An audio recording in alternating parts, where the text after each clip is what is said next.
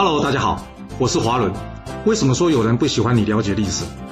因为历史可以让你了解顶层阶级的思考方式，成为他们的竞争者，也可以让你看到许多前人成功以及失败的案例，让你的竞争对手睡不好觉。而最重要的是，历史可以让你了解人性。我们刚刚在战国第三十五集故事中讲到，这燕惠王将乐毅弄走，搞到他出逃赵国，最后呢，这燕国被齐国反扑啊，失去了一口气吞并齐国机会啊。说句实话，看看齐国之前差点灭掉燕国，以及齐国吞并宋国的例子啊，我实在不认为，就算乐毅能灭了齐国，燕国下场会好一点啊。这韩赵魏楚秦啊，怎么可能放任这种事发生不插手啊？那你只要看，连这大公司的合并案呢，只要影响到顶层阶级某些人利益啊，他也不会让他成功，就可以知道啊，没有人会愿意啊养大对手来对抗自己的。不过今天的故事中啊，这燕惠王后来处理乐毅的方式啊，倒是非常有趣的。一般人呢，大都是将对方视为叛徒，然后记仇一辈子。而这殷惠王一开始也差不多，然而他最后悬崖勒马，决定跟这乐毅维持好关系。而至于这乐毅呢，最后可以往来燕赵两地，明着煎菜了。而乐毅当初回复燕昭王信中所写这一句啊，“君子绝交不出二声，忠臣去国不结其名”啊，更演变成后来大家耳熟能详的一句话，那就是“君子绝交不出恶言”呐。那把这句话反过来听，就是什么？就是要是有一个人每天说人家坏话。那这人八成不是什么正人君子啊，你就得小心，这个人是个小人呐。不过是不是坏话，你也得听他批评的内容啊。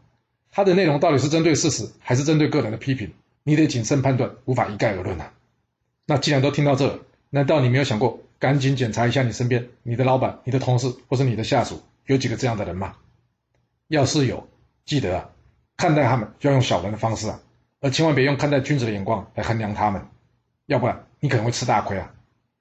看待小人跟看待君子最大的不同点在哪？那就是君子做事啊，通常还会有原则跟底线然而小人做事啊，完全没有底线了。为达目标，说谎、栽赃、造假、隐瞒等啊，你能想得到、想不到的，他都会做。千万别拿自己做标准，认为自己不会做的事，对方就不会做。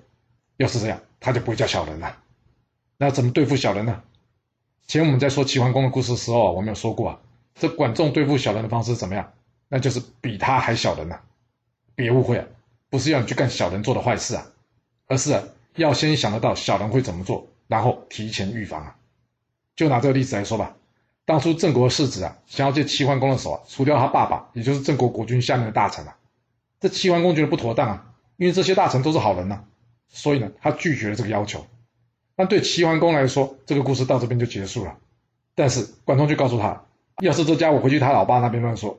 那这齐国跟郑国就准备一战了，所以还是得先预防这种事啊。他呢，先派人向他老爸，也就是郑国国君说明一下今天发生的事情。所谓事前叫说明，事后叫辩解啊。那就这样，郑国国君啊，没有被他儿子给忽悠，避免了郑齐两国交恶的风险啊。那管仲很小人吗？去跟人家老爸说他儿子坏话？要是你觉得小人，就小人吧，因为啊，这是在处理小人的问题啊。要是你不阻止这种事发生，那姑息养奸，后患无穷这两句话就可能会随之而来，您说是吧？若是您有其他想法，也欢迎留言分享你的看法给大家哦。好了，我们今天就先说到这。若是你想要知道完整版的故事内容，欢迎您可以到说明栏中找到我爱故事频道的连结。要是你喜欢这频道，还要麻烦您动动你的手指，点赞、订阅、追踪，或是给我五星评价的支持以及留言分享哦。谢谢您来收听，我们下次再见。